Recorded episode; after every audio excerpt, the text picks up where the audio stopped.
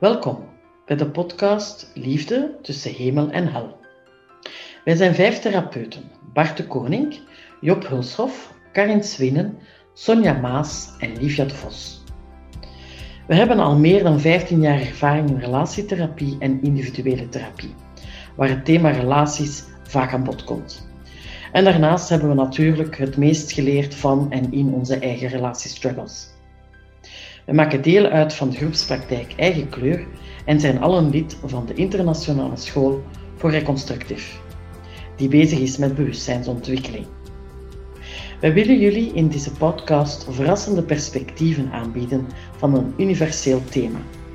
We zijn immers vijf mensen gefascineerd door wat liefde is, kan zijn en niet is. De manier waarop we dit gaan doen, is dat ieder van ons om de beurt een inleiding geeft op een bepaald thema en de andere vier zullen hierop reageren. Veel plezier bij het luisteren.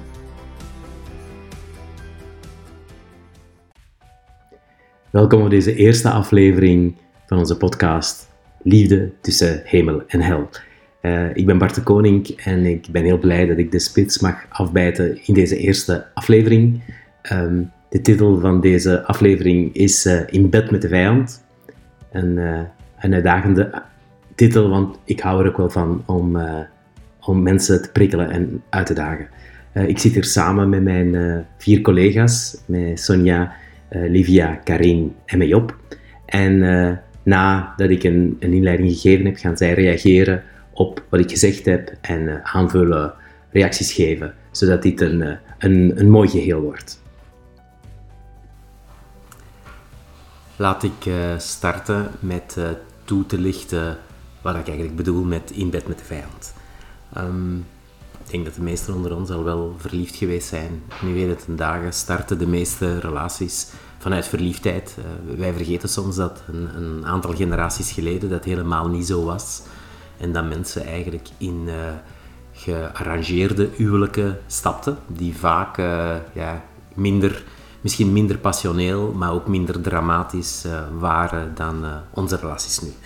Maar laat ons uh, dat vanuit, vanuit verliefdheid in relatiestappen beschouwen als een goede evolutiestap. Um, een, staat van verliefdheid is eigenlijk voor de meeste mensen als een soort van, van explosie, waar je eigenlijk bijna van de ene seconde op de andere in verandert in een totaal andere persoon. Ehm, je wordt verliefd op het leven, je wordt verliefd ook op jezelf en, en je wijt dat aan de ontmoeting met de ander. Terwijl het in basis puur lichamelijk een, een hormonaal proces is, lijkt het alsof dat je ineens de betere versie van jezelf bent en de meeste angsten, bekommernissen, uh, denkpatronen die het leven zwaar kunnen maken voordien, uh, die veranderen ineens. Die lijken ineens uh, niet meer aanwezig. Dus de bekende roze wolk bestaat echt, maar is een illusie die vooral hormonaal opgewekt wordt. Opgewekt wordt. Um, maar je gaat in een beeld alsof je het ineens gevonden hebt. Alsof je bereikt hebt daar waar je wil zijn. En eigenlijk vanaf dat moment proberen de meeste mensen alles te investeren om die staat te behouden. Um, omdat ze denken, zo moet het leven zijn, dat wil ik houden. Dus dat is de start van de meeste uh, relaties momenteel. En uh, dat is heel fijn. Alleen, ja, uh, zo'n lichamelijke staat van verliefdheid kan niet, blijft gewoon niet duren. En het proces van van die roze wolk af te vallen naar beneden is voor de meesten een, een onverwacht proces en een heel pijnlijk proces. En, en maakt ook dat de idee er, er vaak in sluipt van oei, ik zit niet in de juiste relatie, dit had niet mogen gebeuren, dit is niet zoals dat moet zijn. Dus van, van daaruit ehm, blijven de meeste mensen toch achter met een beeld zoals het in het begin van de relatie was, met, die flow, die energie, die, die uh, ja, je zou kunnen zeggen, die, die uh, gerichtheid op de partner zo moet de relatie zijn en daar moeten we terug naar uh, starten. Maar het, het, simpele feit dat die verliefdheid lichamelijk niet meer aanwezig is, maakt dat wij eigenlijk ja, gewoon last krijgen van onze partner. En waarom krijgen we last van onze partner? Eigenlijk in wezen omdat we er bijna altijd iemand uitgekozen hebben die zeer complementair aan ons is. Dat betekent die helemaal anders is dan wij. En dat kan op heel verschillende vlakken zijn. Uh, dat kan zijn op gebied van hoe hij met zijn emoties omgaat, uh, introvert, extrovert. Uh, hoe, hoe, of iemand snel beslissingen neemt of traag. Of iemand eerder chaotisch is in zijn denken en in zijn voelen of heel gestructureerd. Dus dat soort verschillen. Ehm, mensen kiezen altijd iemand uit die heel anders is dan hen tijdens de verliefdheidsfase. Worden al die, die verschillen eigenlijk niet als pijnlijk ervaren omdat we in die verliefdheid zitten, maar dan als die fase beëindigt, door wat dan ook. En mensen zijn die, zich daar vaak niet bewust van, omdat het heel geleidelijk gebeurt en omdat ze die realiteit ook niet onder ogen willen zien. Ehm, maar dan worden wij ineens geconfronteerd met een partner die heel anders is dan wij. En ja, wij zien dat niet altijd als een uitdaging, maar we zien dat heel vaak ook als iets pijnlijk. Omdat, ja, dat is natuurlijk de perceptie van elke mens. Uh, vanuit onze perceptie denken wij dat ja, het, het, het, het, zou, het zo zou moeten zijn zoals ik denk. Um, en dat is een, denk ik een tweede grote uh, verklaring waarom wij uiteindelijk tegelijkertijd ons te verhouden hebben tot het feit dat wij een relatie hebben met de vijand. Dat betekent uh, dat wat, dat wat dat oorspronkelijk ik aantrekkelijk vond, omdat ik dacht dat ik het niet had, dat wordt eigenlijk iets waar ik mij ja, moet toe verhouden en waar ik ook vaak tegen ga vechten. Uh, om, omdat uh, ja, het gewoon lastig is. Het gewoon lastig is. En, en wij realiseren ons niet dat wij, ja, wij zeggen liefde. En wij denken dan, ja oké, de andere die denkt over de liefde zoals ik. Uh, liefde betekent voor iemand anders wat het voor mij betekent. voor mijn partner. Ik bedoel, wij zijn zo verliefd geweest, dus wij, wij zitten samen op diezelfde wolk en wij kijken samen naar de toekomst. Maar als die verliefdheid voorbij is, dan blijkt eigenlijk dat, ja, dat ieder een heel eigen beeld heeft, eigen verwachtingen heeft, uh, een heel eigen verhaal gemaakt heeft voor wat voor hem of voor haar liefde is, betekent, zou moeten zijn. En met dat verschil omgaan, ja, dat is een hele uitdaging om vanuit dat verschil niet in een bepaalde gekwetstheid terecht te komen en van daaruit conflicten te creëren. Uh, maar om uh, gewoon dat verschil naast elkaar te leggen en soepel te blijven in, ja, we zijn nu eenmaal verschillend. Dat is de reden dat we elkaar uitgekozen hebben. Dus oké, we kunnen er hier een gevecht van maken in die zin van, het moet zijn zoals dat ik, zoals dat ik denk. Maar we kunnen er ook op een andere manier naar kijken. En dat is de, de ongelooflijke uitdaging die in elke ontmoeting met de vijand, zoals je dat een relatie zou kunnen noemen, zit. Uh, want er bestaat eigenlijk geen vijand als je je partner als een vijand ervaart, hè, dus dat betekent relaties die in, in heel zware en moeilijke conflicten terechtkomen, dan wijst dat altijd, of dan kan je dat altijd bekijken als een, bepaald stuk in jou dat uh, ja, een soort innerlijke strijd. Dus een innerlijke strijd en die wordt veruiterlijkt in de strijd met mijn partner. Uh, dus dat is de gelegenheid die er zit in dat soort van lastige situaties om te leren, om bij te leren vooral over jezelf. Um, en en dat, is, dat is eigenlijk in wezen de, de kern van, van wat wij in, in relatietherapie doen. Uh, dat betekent mensen bewuster maken, want het is enkel een, een, een diepere bewustwording van wat gebeurt hier eigenlijk, wat is eigenlijk mijn grote angst, waarin geef ik aan mijn partner de macht om mij te kwetsen en hoe ga ik daarmee eigenlijk om? En ja, welk werk heb ik te doen om mijn, mijn manier van kijken te verbreden, zodanig dat ik uh, ja, met mezelf aan het werk kan gaan en niet zoveel op die relatie projecteer en niet in de eindeloze herhaling ga van conflicten of van uh, uh, andere vormen van, van frustratie. Betekent dat dat mensen altijd samen moeten blijven? Mm, natuurlijk niet. Uh, wij zijn vrij en ik denk dat de weg naar vrijheid uh, absoluut de, wel het grootste goed is van elke mens. Maar ja, uh, het is ook zo als bepaalde aspecten van een innerlijke strijd niet aangepakt worden binnen een persoon, ja, dan is de kans groot dat het zich met partner na partner gaat herhalen. En we hebben ook heel veel, heel veel mensen, of ik heb zelf heel veel mensen gezien, die inderdaad in elke relatie hetzelfde tegenkomen. En dan op dat ogenblik, dan moet je je misschien eens gaan afvragen, goh, ik kan nu weer naar een volgende partner gaan, maar is het niet iets in mezelf waarvoor dat ik een oplossing moet zoeken en waarvoor dat ik, uh, dat ik een, een, beetje, een beetje dieper uh, moet gaan graven? Ehm, en, en, dat is een, een ongelooflijk boeiend verhaal. Uh, ik denk dat wij als, als therapeuten dan nooit de beslissing kunnen nemen wanneer iemand te gaan heeft en wanneer iemand wat door te bijten heeft. Het, dat, is, dat, echt uh, de, de, de, keuzes voor het leven, dat is aan de cliënten zelf om te maken. Ook al zouden ze soms graag willen dat iemand gewoon in, in hun plaats beslist, omdat zeker in in en, met conflicten. Mensen, ja, dat is gewoon heel lastig. Dat geeft heel veel verwarring, heel veel tegenstrijdige gevoelens van ik wil gaan, maar ik wil blijven. Um, en en het, het, is net de helderheid die dan ontbreekt. Maar ja, dat kunnen wij natuurlijk niet doen. Wij kunnen wel helpen om, uh, ja, om naar de dynamieken die er zijn, om, om die nog bewuster te maken. Dus om mensen nog duidelijker te maken van oké, op die manier maak je van je partner de vijand waar dat je dan wel voor kiest om erbij te blijven. dus het, het, het, het, uh, het dubbele dat, dat uh, heel vaak in, in de communicatie van mensen ligt, maar ook in de bewegingen die ze maken. En als dat aan beide kanten tegelijkertijd gebeurt, ja, dan kan dat, dat, kan dat zijn dat, dat, dat er een groter begrip komt en dat er een grotere verantwoordelijkheid komt bij beiden en dat er minder verantwoordelijkheid en druk op de, op de relatie gelegd wordt. En dat is uiteindelijk wat wij, uh, ja, wat wij beamen of wat wij graag willen willen doorgeven aan, eh, aan, aan onze cliënten. Dus in bed met de vijand is, is een beeld. Dat een relatie is niet, kan niet uh, een roze wolk blijven. Je komt crisissen tegen, je komt confrontaties tegen. En de kunst is dan inderdaad om te beseffen, oh, ik maak van mijn partner mijn vijand. En dan op zoek te gaan naar oplossingen. En die oplossingen liggen natuurlijk ergens in onszelf die oplossingen liggen nooit in de partner, maar liggen in onszelf. En dat is een, een ongelooflijk uh, boeiend uh, parcours. Dat was eigenlijk mijn, mijn, de, de, de, kern van wat ik wilde zeggen. En ik ben, ja, ik ben heel nieuwsgierig naar hoe dat, mijn, mijn vier collega's hier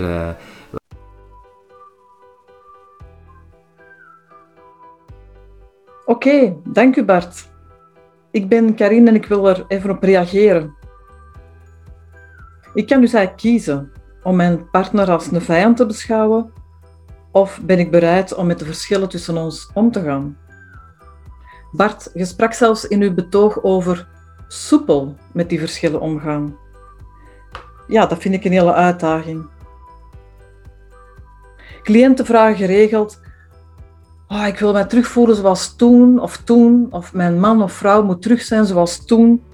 Dat is toch hetgeen dat ik regelmatig tegenkom bij mijn koppels of bij de cliënten. Terug naar die verliefdheid. Of laat ons nu gewoon terug zoals, zoals toen we nog geen kinderen hadden. Of, of toen mijn partner nog die andere job had. Maar terug naar toen, dat, dat kan niet. Er is te veel gebeurd. Wat ik onthoud van uw betoog is, laat ons ook kiezen voor, voor iets anders. Voor het nieuwe. Voor verantwoordelijkheid nemen. Maar het nieuwe moet dan wel nieuw zijn. Want als je natuurlijk herhaalt van wat er was, dan komt er bij hetzelfde uit. En wat ik hoor, wat ik nu voel, is dat nieuwe is voor mij toch als partner stoppen met verwijten. Of de verantwoordelijkheid bij de andere leggen van jij bent verantwoordelijk voor mijn geluk. Nieuw is voor mij toch uh, als partner verantwoordelijkheid nemen voor uw eigen emoties, voor uw versie van het verhaal, voor mijn manier van communiceren en vooral wat ik toch hoor en proef bij heel dat transpersoonlijke verantwoordelijkheid nemen voor uw eigen acties of, of juist geen actie nemen. Ja, verantwoordelijkheid. Dat is uh, het woord dat zeker nu blijft hangen na uw betoog. Dankjewel Bart. Hm, dank je Karin. Um, er zijn twee dingetjes die blijven hangen in wat jij zegt bij mij. Ja, het eerste is natuurlijk verantwoordelijkheid. En wat we dan te snappen hebben, is dat een, ja, toch een verliefdheidsstaat eigenlijk niet, niet, je zou kunnen zeggen, niet heel normaal is. Omdat je dan eigenlijk tof vindt alles wat die een andere doet. Ook wat je eigenlijk niet tof vindt. Ja, dus dat is die verantwoordelijkheid waar jij het over hebt. Dat is dan, ja, als dat stuk komt, dan moet er iets mee doen. Ja, dan kun je dat niet zomaar bij de andere blijven leggen, dan moet je er zelf iets mee doen. En je geeft ook aan, en dat merk ik ook als, als uh, in de begeleiding van koppels, het feit als er kinderen komen, vanaf het moment dat er kinderen komen, dat er echt wezenlijk uh, heel veel dingen veranderen, in beweging komen. En in een van de latere podcasts gaan we daar zeker meer, uh, meer aandacht voor hebben. Maar dat is echt, uh, ja, vanaf dat moment wordt het een stuk ingewikkelder. Omdat natuurlijk kinderen, dat is een onverbrekelijke verbinding. En een relatie is nog altijd verbrekelijk. Dat betekent, daar zit een keuze achter. En de gevolgen daarvan zijn groot. En, dat merken wij bij heel veel koppels, dat ze dikwijls aangeven dat het moment dat er kinderen kwamen, dat dat ook een moment is dat er iets gekanteld is. En ik denk ook dat een relatie dan echt uh, definitief anders wordt en misschien nog een stuk uit, uh, uitdagender. Uh, dank u wel in elk geval. En, uh, en ik denk dat we naar de volgende gaan. Hè? Sonja? Ja, dag Bart, hallo. Um, ik ben Sonja, inderdaad. Ik hoorde je zeggen, Bart, dat wij um, eigenlijk de macht geven aan de ander om ons te kwetsen. Um, maar uit mijn eigen ervaring en ook wat ik uh, in de begeleiding van koppels tegenkom, is dat wij toch heel vaak de macht zelf willen houden. Zijnde dat we op een of andere manier de controle willen houden. Ik wil dat het gaat zoals ik het wil regelen. En Karin en jij spraken daar juist van, als er kinderen komen, dan komt daar een heel grote verandering. Want ik heb dan een beeld van hoe die opvoeding moet zijn en hoe dat allemaal moet gaan. En hoe bijna zelfs mijn partner vader moet zijn in uh, die structuur. Dus hoe verklaar je dat dan van macht geven aan de ander, maar dan toch dat stuk van, ja, ik ben wel degene die de macht wil houden, want ik wil de controle? Ja, dat is een, een goede vraag. Uh, wel, onze, onze beste vriend Frits Perls, uh, die heeft een ongelooflijke zin gezegd, alles is projectie. En de, de, ik, ik, denk dat dat echt inderdaad klopt. Dus het stuk macht wat wij zelf willen, het stuk controle dat wij zelf willen, projecteren wij op de andere, uh, maar dan wel in de, in de negatieve zin. Jij doet mij pijn of uw intenties zijn niet goed. Hè? Want je zou kunnen zeggen, als een koppel erin slaagt om de misverstanden die er zijn, uiteindelijk zijn het allemaal misverstanden. Het is een verschil in perceptie, een verschil in anders naar de dingen kijken. Maar als je daar een lading aan geeft, dus als je ervan maakt, ja, de andere doet dat opzettelijk om mij te kwetsen, en, en dat is een bewijs dat er geen liefde is, hè, want dat is dikwijls als je in een gekwetstheid gaat, dan gaat het dat verschil in perceptie op een, op een heel pijnlijke manier uitleggen. Als je daarin gaat, ja, dat is, dat is, projectie ongelooflijk interessant. Ik denk, daar kunnen we heel lang over bezig zijn en misschien moeten we dat ook wel eens doen, maar ik denk dat het daarmee te maken heeft. Het heeft te maken met een stuk controle, wat je zelf wilt, maar ja, waarom wil de controle? Dat is dikwijls omdat je geen vertrouwen hebt in je eigen macht. Er is een verschil tussen controle en macht. En dan projecteer je dat op de ander.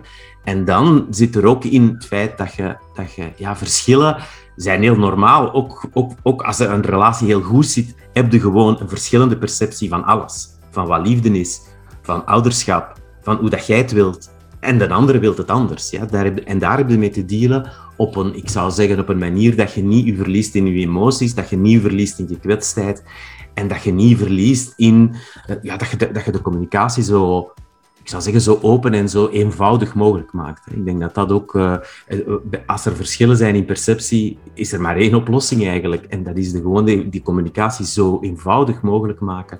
En van dat verschil uitgaan gewoon. En gewoon samen op een heel eenvoudige manier naar oplossingen zoeken. Ik bedoel, maar om dat te kunnen doen, heb je zelf met je eigen een bepaald, een bepaald proces af te leggen. En ik denk ook het proces van, oké, hoe, hoezeer geloof ik in mijzelf, hè, in mijn eigen kracht en dan is er minder controle nodig en, en hoefde in al die dynamieken minder in te gaan. Maar hmm. ik zeg niet dat dat, dat, dat eenvoudig is. Oké, okay, oké. Okay. Dus het is eigenlijk alle twee in je eigen kracht gaan staan, zonder daar controle over de ander van te maken. Ja, ja. En, okay. en ja, dat is het verschil tussen controle en macht is ongelooflijk boeiend, sowieso. Het is een mhm. heel proces, een heel denkproces van wat is dat eigenlijk voor mij? Mm ja, wat, wat, wat betekent dat? Ja, en, en zonder dat, dat echt bewust te maken, ja, gaan mensen zich automatisch verliezen. Ik bedoel, dat, als zolang dat wij in automatische piloot blijven, zit daar een stuk uh, verlies in. Dank u, dank u. Um, Livia. Ja, uh, ik ben dus Livia. Uh, bedankt Bart om alles nog een keer goed op een rijke te zetten voor ons. Um, en als ik het beluister, dan herinner ik mij eigenlijk hoe pittig het was om dit voor de eerste keer te horen. Dus ik maak even ook de reflectie naar uh, de luisteraars en ook onze cliënten die dit voor de eerste keer horen. Dat is, ja, je zou zelfs kunnen zeggen, dat een soort van schok dat je krijgt. Um, het is zo'n vernieuwende visie op, uh, op wat relaties zijn, hoe liefde is, wat verliefdheid is. Um, en ja, het is, nu kunnen natuurlijk zien wat dat daarin kan gebeuren, welke werk dat je daarin kunt verzetten en hoe bevrijdend het eigenlijk kan werken. Maar het is natuurlijk wel een pittig, een pittig proces om, uh, om door te gaan. Um, vooral ook omdat, die, uh, omdat er een grotere gerichtheid is eigenlijk op relaties. En dat is uh, iets wat koppels allee, of partners doen in de relatie. Maar het is ook iets van het collectief. Uh, je ziet dat, dat, dat er een serieuze romantische saus gegoten wordt over relaties. En dat is natuurlijk wat dat wij binnenkrijgen en van waaruit we starten natuurlijk. Dus daar gaan wij natuurlijk een, een proberen een beweging in te maken om daar eigenlijk wat verschuiving in te brengen. Um, en uiteraard, als we blijven kijken naar die partner, dat lijkt makkelijk, want het lijkt alsof dat we het vandaar kunnen krijgen, maar het is net moeilijker, omdat, uh, omdat we eigenlijk vastkomen te zitten, in machteloosheid komen, in strijd gaan, omdat we kijken naar die andere die ons iets moet geven of die moet veranderen. Maar ja, het is, we hebben eigenlijk die beweging naar onszelf te maken. En niet alleen in de relatie, maar ook uh, gewoon in het leven court. Ik denk dat we, dat we daar uh, als het dan gaat over gerichtheid, dat we ook die gerichtheid meer naar onszelf en naar ons eigen leven te nemen hebben. En dan gaat het uiteraard over het nieuwe, uh, uitdagingen aangaan, leren, evolueren. En dan zouden we zelfs kunnen zeggen dat een relatie, en dat is ook een pittige, wat bijzaak is. Dat dat niet de hoofdzaak is. Wat natuurlijk niet wil zeggen dat relaties niet mogen en dat die niet oké zijn. En, uh, en dat je het fijn kunt hebben in een relatie. Maar er is uw mainstream en dat is, dat is die van u natuurlijk. En, en, uh, en dat zorgt er natuurlijk voor dat er ook minder druk komt op de relatie en dat dat niet voor de vervulling moet gaan zorgen. Ja. Dus dat was uh, mijn gedachte daarbij. ja, dank u. Dank u. Um, ja, ik denk dat, uh, dat, je, dat je allemaal zinnen zegt die, die, er, die, die toevoegen. Um, ik denk dat we inderdaad een stukje uit dat ja, naïeve mm, beetje, een beetje achter ons moeten laten. Een relatie is gewoon moeilijk ook. Ja. Eens dat de verliefdheid voorbij is, is een relatie moeilijk, een uitdaging. En hoe dat je snel en efficiënt naar oplossingen kunt gaan en naar betere communicatie. Ik denk dat we daar uh, allemaal uh, met heel veel vallen en opstaan pas leren. Uh, en op zichzelf is, is dat ook wat een relatie biedt. Hè. Je kunt, uh, als je wilt, ongelooflijk veel over jezelf leren. En dat is, dat is een ongelooflijke cadeau. Hè. Als jij door een relatie, hoe, hoe, hoeveel shit dat er ook is, maar gewoon jezelf beter leert kennen, ja, dat is iets dat, dat, dat ze je nooit meer kunnen afpakken. En dat je ook meeneemt, dat je meeneemt naar alle andere aspecten van je leven. Dus dat is, ik ben een grote fan van relaties. In die zin, mm. dat, dat je, er is geen plek waar je zoveel kunt leren, maar oké, okay, het vraagt een, een, een, ja, een andere houding. Ik denk dat dat het belangrijkste is. Een andere houding, een, een houding van ik wil leren, laat ik nu iets leren, laat ik het nu simpel maken. Ja, en dus het is niet om de beleving op, op, op zichzelf. Hè. Je hebt geen relatie om je goed te voelen. Maar als je wilt, kun je wel in een relatie ongelooflijk veel leren. En dat wat je leert, ja, dat is gewoon een toevoegen aan jezelf. Dus dat is eigenlijk op zich een geweldig uh, proces. Ja. ja, en die strijd is eigenlijk ook iets dat niet alleen in relaties gebeurt natuurlijk, hè. ook onder collega's en onder vrienden en buren. En, dus datzelfde natuurlijk in een andere gelaagdheid, maar ja, dat is... Uh... Dus dat is ook het interessante, dat inderdaad, wat je daar in alle hevigheid gaat tegenkomen, dat dat eigenlijk een thema is dat echt van u is, dat echt van u van binnen is. En als je het niet in relatie zou tegenkomen, gaat het overal tegenkomen. Ja, dus, dus dat is ook het, het, het, uh, het interessante. Dank u. Um, en dan gaan we nu naar de, naar de laatste, naar Job. Um, ja, dank jullie wel. Uh, ook collega's en uh, bedankt Bart voor, uh, voor jouw stuk. En waar ik nog even op terug wou ingaan, is het gedeelte van het complementaire. en, en ja, het stuk van wat de een in de plus heeft en de ander in de min heeft, dat dat in het begin inderdaad die aantrekkingskracht heeft en dat dat later eigenlijk de spiegel wordt en ook het stuk wordt waar je je dan aan, aan kan, kan irriteren. En ehm, natuurlijk, na die verliefde fase, denk ik dat het de bedoeling is dat we weer wat meer op onszelf terugplooien. En dat we minder in, dat, in die confluentie zitten. En dat je dan geconfronteerd wordt met de verschillen van wat heb ik in de plus en wat heeft de ander in de min. En dat je daar dan, ja, dan, dan moet je eigenlijk voor jezelf, voor je persoonlijk werk of voor je persoonlijke ontwikkeling een stukje aan het werk. En um, en de vraag die ik me daarbij stel, of hetgeen waar ik ook al wel, ja, wel wat mee aan het werk ben met cliënten, is juist ook de mensen die relaties of verliefdheid eigenlijk lang uitstellen. Of die, ik spreek voor mezelf, een laadbloeier, die dus eigenlijk vrij snel zich overgeven aan die fase om verliefd te kunnen worden.